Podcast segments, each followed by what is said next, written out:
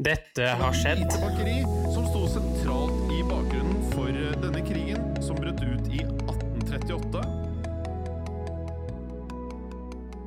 Generation X versus Z. Sandberg Productions presenterer Den ekte samtalen om og med generasjon X og Z. Hold deg fast og nyt. Hei, hei, kjære lytter, og hjertelig velkommen til eh, dagens episode av Generation X versus Z. Eh, og til meg i dag eh, holder jeg i. eh, Kjære kompan. Yes. Det gjør du, og det er en utrolig merkelig tema. Det vil si en merkelig krig, iallfall, du skal fremheve i dag, kjære sønn. Og ja da, det er en krig mellom en fugl og det australske militæret. Det høres jo litt sånn Ja, ja det, det blir iallfall veldig interessant å høre hva, hva er greia. Emuen har kanskje forstyrra eller irritert eller gjort skade for, eh, for menneskeheten som bor i Australia, eller deler av Australia, men Ja, og Derfor så ville man da jakte emuer, noe emuen selv ikke likte. ja, det er Forstår du nå, kanskje? Og derfor så erklærte emuene krig mot eh, det australske militæret, og vant. Ja, den eh, vil jeg den, Jeg vil gjerne høre mer om, om, om EMU-krigen, forstår jeg nå. Ja, det skal du få. Takk skal du ha, gutten min. Uh, ja, jeg tenker vi bare kjører på, jeg. Ja. Advarsel. I denne podkasten vil du høre historier basert på informasjon programlederne har funnet selv.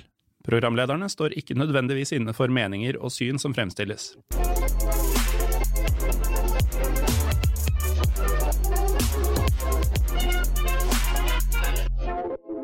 Velkommen skal dere være til ukens episode av Historiepodden.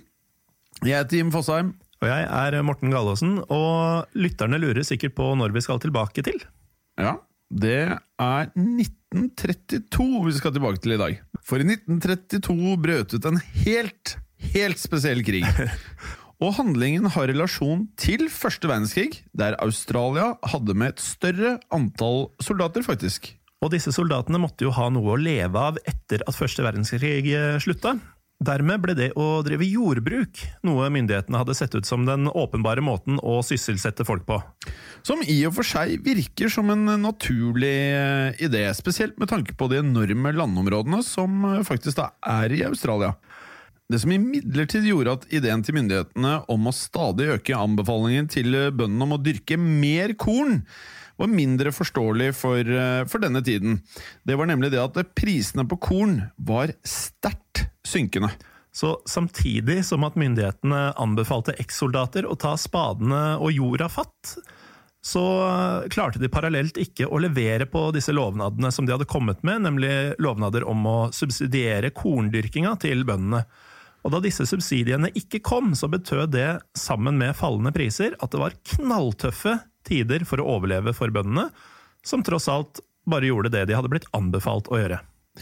Oktober 1932 hadde situasjonen kommet til eh, det som var et bristepunkt. Det var da bøndene skulle høste avlingene for sesongen. De truet med å da ikke selge den høstede avlingen som et pressmiddel mot myndighetene. Sterkt motivert av statens brutte løfter. Det brygget opp til krig i Australia. Om du sitter der hjemme med Monster energidrikken i vrangstrupen nå, eller du nå spyler samboeren din med kjeftfull med kaffe fordi du ikke kommer på hvilken krig vi refererer til, så engelsk deg ikke. Dette er ikke den største krigen som har blitt utkjempet noen gang. Vi kan jo røpe at denne krigen er ikke mellom mennesker, den er mot emuer!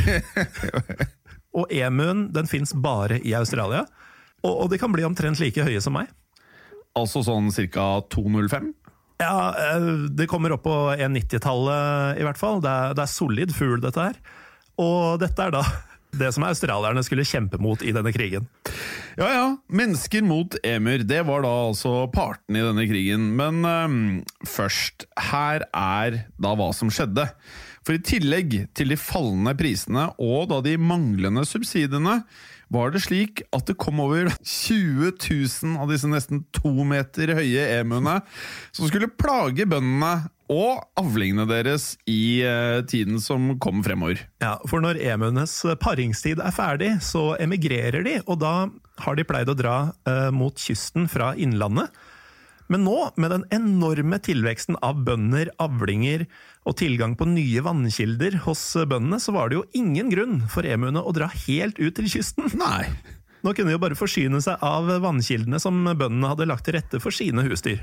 Dessuten var avlingene det perfekte stedet for emuene å skaffe seg mat, og ikke minst et høyst tilpasset habitat for at de kunne leve der. Gjerdene som var satt opp på noen av avlingene, var, som vi kan tenke oss, ikke beregnet mot disse store emuene. Det, det tror jeg gjelder de fleste gjerder rundt omkring. Ja, Ikke bare ødela emuene store deler av det som var av avling på dette tidspunktet, men eh, de trampet også ned disse gjerdene til bøndene, da. Eh, og det åpnet for at andre dyr kunne meske seg og kose seg med disse avlingene, som eksempel harer. Og Bøndene ble jo ganske desperate her, så de klagde til myndighetene. Og løsningen eh, ble til slutt funnet i et møte mellom bøndene og forsvarsministeren, som på denne tiden var sir George Pearce. Bøndene, som, som vi husker i stor grad var eksmilitære, var velkjente med effekten av maskingevær oh, ja. fra deres tid i, i første verdenskrig. Og Ja. Og selvfølgelig, som man kan tenke seg til, så mente jo da forsvarsministeren at dette var en meget god løsning, og selvfølgelig det eneste løsningen på problemet. Men noen føringer var det vel å merke å legge til grunn her. Ja, for disse våpnene måtte jo selvfølgelig brukes av folk som visste godt hvordan de skulle brukes.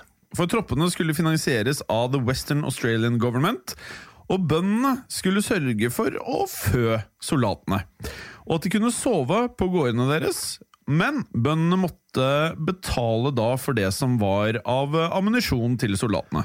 Ja, og det er jo bare vinn-vinn-vinn hele veien her. Ja, er. Forsvarsministeren mente jo også at dette kunne jo gagne militæret til Australia, for det ville jo fungere som ypperlig trening for soldatene. Dermed var det nå offisielt Australia, nasjonen Australia, som skulle gå til krig mot eh, emuene. Og slik startet emukrigen. Tidlig oktober 1932. Forresten, vet du hvor mange soldater som skulle delta i The Great Emu War, Morten? 1000 soldater. Ikke helt. Følgende var nemlig hæren til Australia. Det var major GPW Meredith fra den syvende batteridivisjonen av The Royal Australian Artillery. Og med seg hadde han sersjant O'Halloran og McMurray, som begge var utrustet med den velkjente Louis-gunnen, som var brukt i eh, første verdenskrig og i veldig mange andre kriger etter dette. Så hæren besto av tre personer som hadde 10 000 runder med ammunisjon, og de skulle skyte 20 000 emuer. Helt riktig. Eh, Soldatene de dro først til et område som het Campion, der det var eh, spottet 50 emuer. Og, Av 20 000. så her har de gått i gang allerede. Strategien var at bøndene skulle skremme disse 50 emuene nærmere soldatene, slik at de var innen skuddavstand av denne Louis-gunnen som de kjørte rundt med. Det resulterte i at emuene splittet seg opp til eh, mange små grupper, og at de spredte seg over et større område. Så emuene var noe mer strategiske enn vi trodde. Soldatene måtte uansett prøve sitt beste. Og i det som da blir beskrevet som et bakholdsangrep mot emuene, skjøt soldatene sine første runder med ammunisjon, som ga få eller ingen resultater, slik vi har forstått det. Så kjørte de enda en runde med samme taktikk, eh, som resulterte i at de faktisk klarte denne gangen å, å felle noen eh, emuer. og Ordet 'noen' er faktisk ordet som også brukes i kildene vi har. Eh, Det er ikke sånn at de tok tolv, f.eks., men eh, de mest optimistiske estimatene som vi har funnet, de taler for at kanskje et dusin emuer skal ha blitt felt. Men det, er, eh, det er veldig kanskje og cirka og omtrentlig. Ja, det var i hvert fall noen emur. Og to dager senere, da var vi kommet til den 4. november, så hadde sersjant Meredith satt opp det som skulle være et effektivt bakholdsangrep. For i nærheten var det en dam der det skulle være ca. 1000 emur. Og det høres jo igjen ut som eh, noe som kan materialisere seg i hvert fall eh, noen fjær til kavaleriets eh, hatter. Men da de åpna ild mot fienden, så kilte våpnene til hele den australske styrken seg. Altså våpnene til både Meredith, O'Halloran og McMurray kilte seg. Eh, Så det resulterte i at enda et dusin cirka fugler av disse tusen som de egentlig hadde sikte på, skal ha blitt felt. Og Det som er verdt å få med seg her også, var jo at eh, myndighetene tenkte at dette, denne krigen da, kunne fungere som et ypperlig sted. Og, for du må huske på at Dette var jo depresjonstider, økonomien var dårlig, så her skulle man skape god stemning. Og at Australia eh, enkelt skulle klare å vinne denne eh, emu-krigen. Så de hadde med seg hele tiden eh, en gjeng med observatører, og blant annet da et eh, filmteam. Men slik vi har forstått det, så klarte de aldri å fange noe de kunne bruke i denne propagandaen til økt optimisme i Australia. Nettopp pga. alle de eh, forsøkene, de bakholdsangrepene som ikke fungerte så veldig bra. Ettersom hæren ikke følte strategien deres fungerte så godt som de hadde trodd, valgte de å flytte styrkene sine lenger sør, der emuene var sagt å være langt tammere. Og dermed eh, at det var da enklere å snike seg innpå fienden. Observatører hadde funnet ut at eh, flokken hos fienden hadde en leder. Det var, det var en stor, svart emu som sto skal ha holdt øye med hva soldatene gjorde. Og denne lederen da, han skal også ha fulgt med på hva som ble gjort av ødeleggelser på avlingene, som, som om dette var nøye planlagt. I regi av lederen. Eh, Denne fiendtlige lederen gjorde livet da veldig surt, som vi skjønner, for eh, hæren til Australia. De prøvde derfor å feste Louis-gunnen sin på bakplanet av en eh, pickup-truck, slik at de kunne kjøre parallelt med at emuene løp. Slik at de da også kunne skyte i fart. Og etter hva vi forstår her, så var jo da kamerateamet veldig i eh, Hva skal jeg si optimistiske til at de kunne få fantastiske bilder Men denne drive-by-taktikken, som, det- som det høres ut som, den, eh, den endte også komplett mislykka. Ja. Og det er nesten så man hører Benny Hill-musikken i bakgrunnen her, mens man eh, ser for seg hva som skjedde. Eller, eller at man forventer at John Cleese plutselig skal fortelle resten av historien her. Uh, problemet deres denne gangen uh, var at det viste seg at emuene de kunne jo løpe opptil 40 km i timen i ulendt terreng, mens eh, bilen den klarte jo ikke å kjøre fortere grunna det samme terrenget. Og, og soldaten på bakplanet var jo da ikke i nærheten av å kunne sikte på noe som helst, ettersom pga. underlaget så pekte jo maskingeværet i alle retninger mens pickupen kjørte så fort det var mulig på, på dumper og annet ujevnt underlag. For da våre australske helter var kommet til dag seks i krigen, da var vi da kommet til den 8. november, så hadde de brukt opp 25% av det allerede svært begrensede ammunisjonslageret sitt. Som da betyr at de fyrte av hele 2500 skudd, men kun hadde felt 50 av de totalt 20 000 fiendene de var i krig mot. Meredith, eh, altså hærføreren her, han, eh, han valgte da i denne stund å gi den mest positive tilbakemeldinga som mulig til regjeringa, da han eh, fortalte dem at han kunne gledelig fortelle at det har ikke lidd noen falne soldater så langt i krigen. Og en ornitolog som skulle beskrive utviklingen så langt, hadde fått uttalt følgende. The machine gunner's dreams of point blank fire into serried masses of emus were soon dissipated. The EMU command had evidently ordered guerrilla tactics. And its unwieldy army soon split up into un innumerable small units that made use of the military equipment uneconomic. A crestfallen field force therefore withdrew from the combat area after about a month. Det er, det er ikke en stor suksess så langt i, i krigen. Men er det skrevet med litt tull, eller? Litt glimt i øyet, hva tror du? Det må jo være det. The Emu Command had evidently ordered guerrilla tactics. Jeg tror ikke den store svarte emuen eh, ordered noe som helst. Det Tror ikke jeg heller. denne mangelen på suksess den, eh, den skulle eksemplifiseres ytterligere da representanter i uh, The Australian House of Representatives, eller um, Representantenes hus, Ja.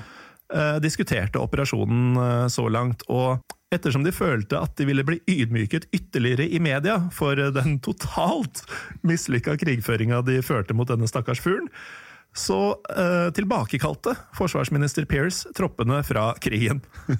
Og etter tilbakekallelsen så sammenlignet Meredith Bare hør på det her. Hør på det her. Meredith sammenlignet emuene med zulu-krigere! Fordi han mente at emuene var så enorme krigere! Med vanvittige taktikker! Militæret klarte altså ikke å beseire en flokk emuer. Eh, en flokk emuer som var ledet av en emu. Og en, eh, en forsker ved navn Louis Lefebvre han har faktisk omtalt emuen som den dummeste fuglen i verden. At eh, Når man snakker om sånne, din fuglehjerne eller bird brain, Ja. så er det ofte ofte noe du dummer deg ut med selv, fordi mange fugler er fryktelig smarte. Oh ja. Emuen er unntaket. Den Det er, er ikke en av de. stokk dum, men likevel outsmarta emuene australske offiserer. Flatterende. Så hadde det seg slik at det var dokumentert at emuene, selv når de var skutt, så fortsatte de å løpe for full hals. Så Meredith var ikke mindre fantasifull enn at han måtte gjøre enda en sammenligning. Hør på følgende. If we had a military division with the bullet-carrying capacity of these birds, it would face any army in the world. They can face machine guns with the invulnerability of tanks. They are, they are like Zulus, whom even dum-dum bullets could not stop. Lyttere, dere lurer nok på hva som skjedde så. For nå var det jo tross alt 19 950 emuer igjen av de 20.000 som skulle kriges i senk. Det betød at emuene igjen var på krigsstien og plyndret åkrene som aldri før. Og bøndene spurte derfor igjen myndighetene om hjelp. Og igjen, Jim, skulle militæret svare på deres kall om militær assistanse. Allerede 12. november så var de på gang. For myndighetene var enige om at dette var en alvorlig trussel for landbruksnæringen i Australia. Og det har blitt sagt at de trengte soldater med ekspertise til å bruke denne Louis-gunnen, som eh, jo hadde vært en så stor suksess i den eh, første delen av EMU-krigen. Så derfor kan dere jo tenke dere til hvem som ble satt til å lede det nye angrepet. Det var Meredith. Det, vet du. Og det, det, det her føles veldig rart, uh, syns jeg. fordi var ikke disse bøndene på gårdene tidligere soldater fra første verdenskrig? Hvorfor trengte de å hente inn ekstern ekspertise? Og hvorfor i all verden brukte de ikke bare rifler, som hadde vært langt bedre til dette formålet, som jo da, som vi har nevnt, jegere bruker til å felle dyr? Ja, Man skulle jo tro det ville vært mer effektivt å bruke jegere enn soldater til akkurat det her. Dette førte til at den 13. november klarte å drepe 40 emuer til. Tredje dagen, 15. november, så står det at de var vesentlig mindre suksessfulle. Og her var det jo ingen tall de ønsket å beskrive, så kanskje var det ingen emur som ble felt denne dagen. Men fram til 2. desember så tok det seg kraftig opp, for da klarte hæren å drepe 100 emuer per uke. Meredith hevdet også at de skjøt og skadet ytterligere 2500 emur, som betyr et eh, alvorlig tilfelle av eh, dyreplageri, og noe skikkelig jegere aldri ville stått inne for. Og etter denne krigen, som egentlig ebber ut i dette røret vi, vi prater om nå, med svært mangelfulle resultater, så skulle bøndene ved ytterligere tre anledninger i årene som kom, be myndighetene om hjelp. I eh, 1934, i 1943 og igjen i 1948. Og hver gang ble det løst med noe mye smartere enn i EMU-krigen. For nå hørte de på det vi har snakka litt om, hjem. De utstedte løyver for jegere til å skyte emuene, slik det burde vært gjort under krigen også. Og det ble brukt nesten 60 000 løyver over et halvt år i 1934. Nå tenker du, kjære lytter, at episoden er ferdig, men det er den ikke. For fortsettelsen er den at problemet med emuene ble løst for alvor. Bøndene bare lagde et høyere og bedre gjerde. Det kunne de jo kanskje vurdert før krigen i det hele tatt brøt ut. Skulle tro det, Vi, eh, vi håper de løser det med gjerder eh, om det skjer igjen. for det har skjedd. Og det kan skje igjen. Ja, det var EMU-krigen. Ja, du, det var eh, kostelig Å ja da. Eh, Og nå så skal vi til NRK-hjørnet, noe jeg tror du setter pris på. Absolutt, kjære sønn. Absolutt.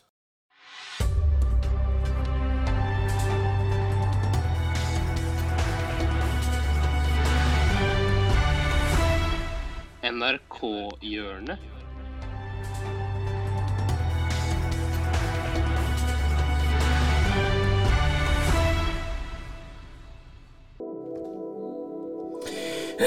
Ja da, vi skal til NRK-hjørnet nå, altså. Eh, nå skal vi til pappavitser. Pappavitser? Ja, Hva er det? det skal du få høre nå straks. Gjerne. Thomas er også med oss og prøver å forlenge våre liv eh, med en liten latter. Ja. Kom med en liten vits. Eh, jeg, kan, jeg skal ikke si hva jeg føler om den vitsen her, men jeg tar den høyt. Jo, si, si hva du føler om denne vitsen her. Eh, jeg, det, jeg, ja. Du er komiker. Hva føler du om denne vitsen her? Jeg vil vite det før vi skal høre den. Jeg leser den først, og så kan vi bedømme sammen om den er eh, godkjent som en vits eller ikke.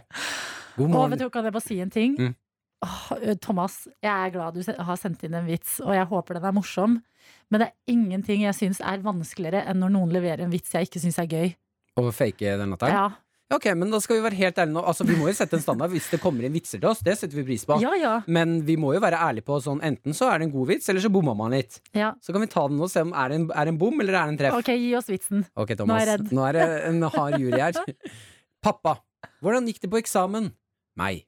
Veldig bra. Jeg forlenget kontrakten med skolen ett år til. Ok, det var en bom! Det var en bom i dag! Det er godt du prøver, Thomas. Det ble stille, det var en bom. Nei, men den var jo fiffig. Ja, det er fiffig, men det er jo sånn lol. Det er lol. Men det er er ikke pappa, det er en pappavits. Det er en pappavits. Mm. Ja, den er eh, Jeg vet hva. A for effort.